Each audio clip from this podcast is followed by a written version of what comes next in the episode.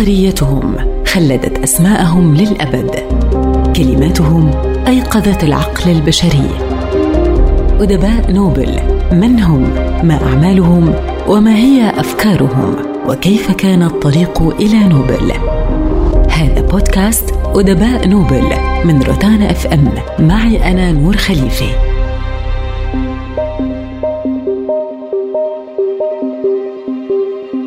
شاعر الروك اند رول المتوج. الصوت الواعد في ثقافة الستينات. الشاب الذي مزج موسيقى الفولك مع موسيقى الروك. الذي تزين بالمكياج في السبعينات واختفى في سديم من الإدمان ثم عاد في أواخر الثمانينات وبدل المسار محققا أقوى الإنتاجات الموسيقية في مسيرته ابتداء من أواخر التسعينات. سيداتي سادتي رحبوا معنا بفنان التسجيلات الآتي من كولومبيا بوب ديلان بهذه المقدمة العبثية يختار ديلان أن يقدم في كل مرة قبل خروجه إلى المسرح. وبالمقدمة نفسها نبدأ حلقتنا ونولي القيادة لبوب ديلان وندعه يجول بنا في عالمه كما يتولى قيادة الباص في جولاته الموسيقية. استعدوا معنا لرحلة موسيقية شعرية مشحونة بالحب والقدر. والموت والسياسة. لننطلق. هو مغني وملحن وشاعر وفنان أمريكي. اسمه الحقيقي روبرت ألين زيمرمان. ولد في عام 1946 وقام بتغيير اسمه إلى بوب ديلان الذي استوحاه من شخصية في سلسلة رعاة البقر تدعى مات ديلان. تعلم العزف على الجيتار وهو طفل صغير. وتحول إلى عازف محترف على القيثارة والهارمونيكا قبل أن يصل الثامنة عشر. أحب الموسيقى منذ الصغر وأمضى سنواته الأولى بالاستماع إلى موسيقى البلوز والكونتري والروك أند رول. وغنى في أول حفل موسيقي برفقة فرقة Golden Chords عام 1955 ثم انتقل إلى مدينة مينيابوليس عام 1959 والتحق بجامعة مينيسوتا وبدأ تعلقه بالموسيقى الشعبية الأمريكية موسيقى الفولك. ذكريات ديلان تبدأ عام 1961 عندما سافر إلى نيويورك التي كانت تضج بالمقاهي والنوادي وحفلات موسيقى الفولك. وهناك تعرف على أهم الكتاب والشعراء. ليال صاخبة التقى فيها بالشخصيات الأسطورية وتعلم منهم. وتعرف على الشاعر ألين جينسبرغ الذي شجعه على كتابة أغاني ثورية واحتجاجية. الأمر الذي كان غائبا عن أغاني وموسيقى تلك الفترة. عندما اكتشفه جون هاموند مكتشف المواهب العظيم قال له أعول على الصدق. آمن به وبموهبته وقال إنه يراه كشخص ينتمي إلى خلط أنماط البلوز والجاز والفن الشعبي سوية. وكان ضم بوب ديلان إلى شركة Columbia Records أمرا لا يصدق. ويقول بوب ديلان كان مجرد وقوفي عند بابها أمرا مهما. بلغت شهرة ديلان ذروتها إبان ثورة الشباب العالمية في الستينات من القرن العشرين. وكانت كلمات أغانيه تحمل طابعا ثوريا. مما دفع الحركة المناهضة لحرب فيتنام وحركة الحقوق المدنية للأفارقة السود الأمريكيين إلى استخدام بعض أغانيه كنشيد لهم. وسمي وقتها بصوت الجيل الجديد الذي رفع كلماته وأغانيه ضد الحرب وفي وجه الأنظمة السياسية الجائرة. وتحول إلى أيقونة اجتماعية سياسية طبعت في ذاكرة الأجيال بكلماته وأغانيه التي تحاكي انكسارات المواطن الأمريكي العادي والمشحونة بمعاني الحب والحياة والقدر والموت والتمرد Mama, take this badge off of me. Cause I can't use it anymore. It's getting dark, too dark to see. Feel like I'm knocking on heaven's door. I'm knock, knock, knocking on heaven's door.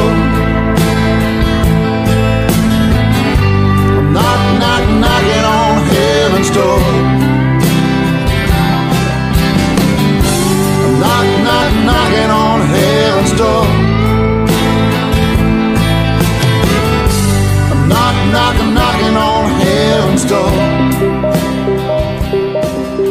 تاركا وراءه الحياة الصاخبة والألقاب. تزوج من سارة لوندز عام 1965 وتحول إلى أب وزوج مخلص وكرس وقته للعائلة والحب. وأصدر حينها بعض الألبومات التي لم تلقى استحسانا عند النقاد والجمهور مثل New Morning و Planet Waves أنجب منها أربعة أطفال كما تبنى ابن اسمه سارة من علاقة سابقة قبل أن تتدهور حياته الزوجية وينفصل الزوجان. حينها انعزل في مزرعة في ولاية مينيسوتا حيث كتب أغاني ألبومه دماء على الطريق أو كما سماه جمهوره بألبوم الانفصال. لكن دالن استنكر أن يكون للألبوم أي علاقة بحياته الشخصية. وقال إن الألبوم مستوحى من قصص قصيرة لتشيكوف. أنا لا أدس اعترافاتي فيما أكتب من أغان ولا دخل للعاطفة بما أكتب. أنا فقط أجعل الأمر يبدو هكذا. بالضبط كما يجعل لورنس أوليفر الناس يصدقون أنه هاملت. لكن ابنه جيكوب دالن وفي لقاء صحفي ضرب كلام والده في عرض الحائط وقال إن ألبوم دماء على الطريق كان عن والده. في عام 1986 بنى علاقة مع المغنية كارولين دينيس وأنجب منها طفلة وانتهى زواجهما في عام 1992 أما عن حبه لجوان بيز الذي لم تدم رومانسيته لأكثر من سنتين عندما شاهدتها للمرة الأولى على شاشة التلفزيون لم أستطع التوقف عن النظر إليها.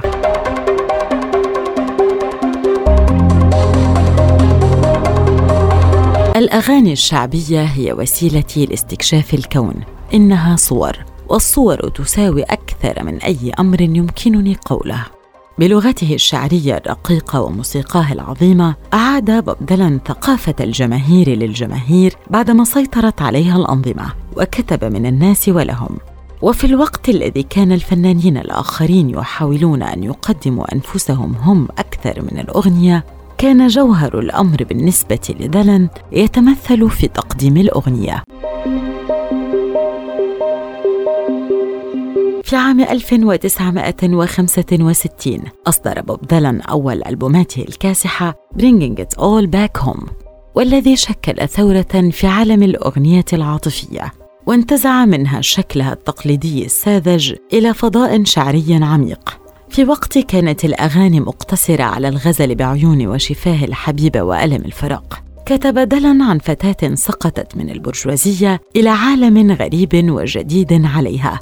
وجدت فيه معاناة ولذة الاعتماد على النفس للمرة الأولى. واستطاع ديلان من خلال هذا الألبوم والألبومين التاليين Blonde on Blonde و Highway 61 Revisited إرغام صناعة الموسيقى على تغيير معايير طول الأغنية الذي كان يقتصر على دقيقتين بهدف الرواج واستطاع أن يكتسح الساحة الغنائية بأغاني وصل طولها إلى 11 دقيقة وفتح الإمكانات أمام التجريب الحر في عالم الموسيقى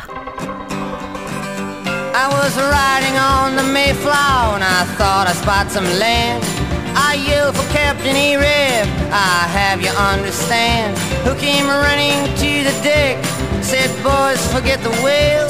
We're going over yonder, cut the engines, change the sails. Haul on the bow line, we sang that melody like all tough sailors do when they're far away at sea.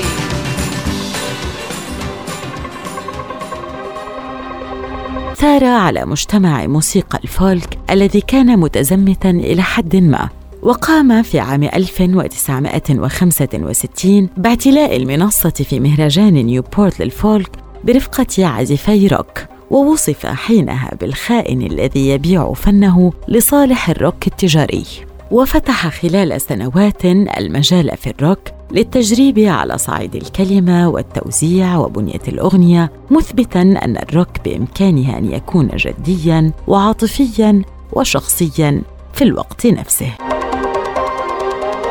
كانت النزعة السياسية حاضرة دائما في أغاني دلن مثل أغنية Blowing in the Wind وأغنية a Rolling Stone. وفي عام 1967 وقبيل اندلاع الانتفاضات الطلابية الشهيرة أصدر أغنية Rolling Stone التي احتلت المرتبة السابعة والأربعين من بين الأغاني الخمسمائة الأعظم في التاريخ.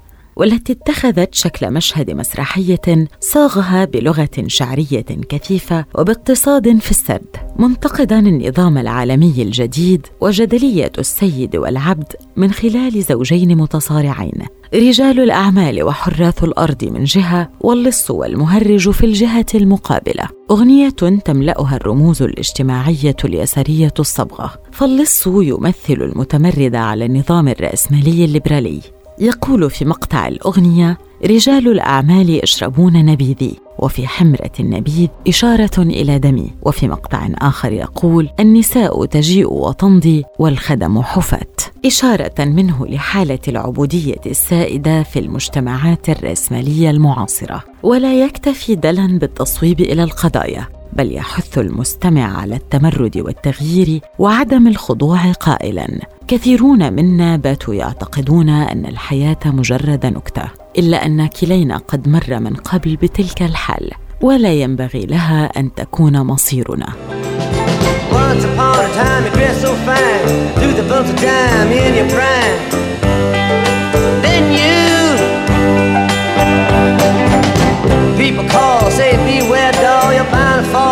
They were all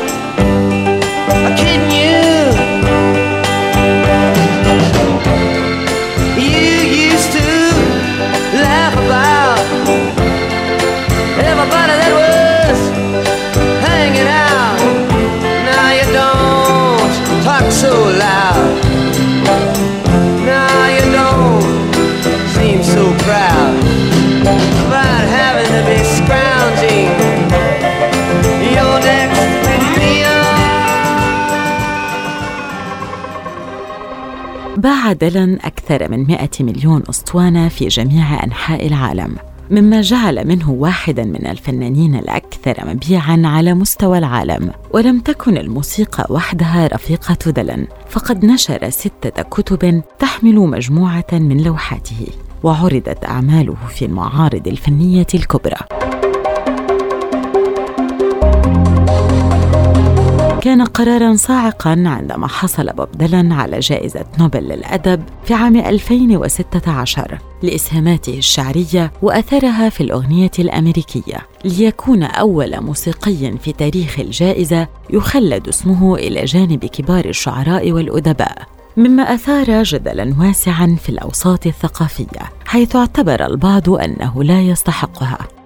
رفض بوب ديلان حضور استلام الجائزة. وألقى محاضرة مدتها 26 دقيقة. ذكر فيها أنه تأثر بكتب معينة رسخت في ذهنه منذ أن كان في المدرسة. وتحدث عن ويليام شكسبير وأوديسي هوميروس وكتاب إريك ماريا ريمارك وروايته كل شيء هادئ على الجبهة الغربية. ورواية موبي داك ومؤلفها هيرمان ملفل ووصفت الأمينة العامة للأكاديمية سارة دانيوس خطاب دلن بأنه جميل ومتكامل بلاغياً. إلا أن صحيفة التلغراف نشرت تقريرا اتهمت فيه دلن بسرقة مقاطع من كتاب مدرسي ضمها في خطابه الذي ألقاه في حفل تسلمه الجائزة ولم يصدر عن بوب دلن أي تعليق بشأن هذه الاتهامات.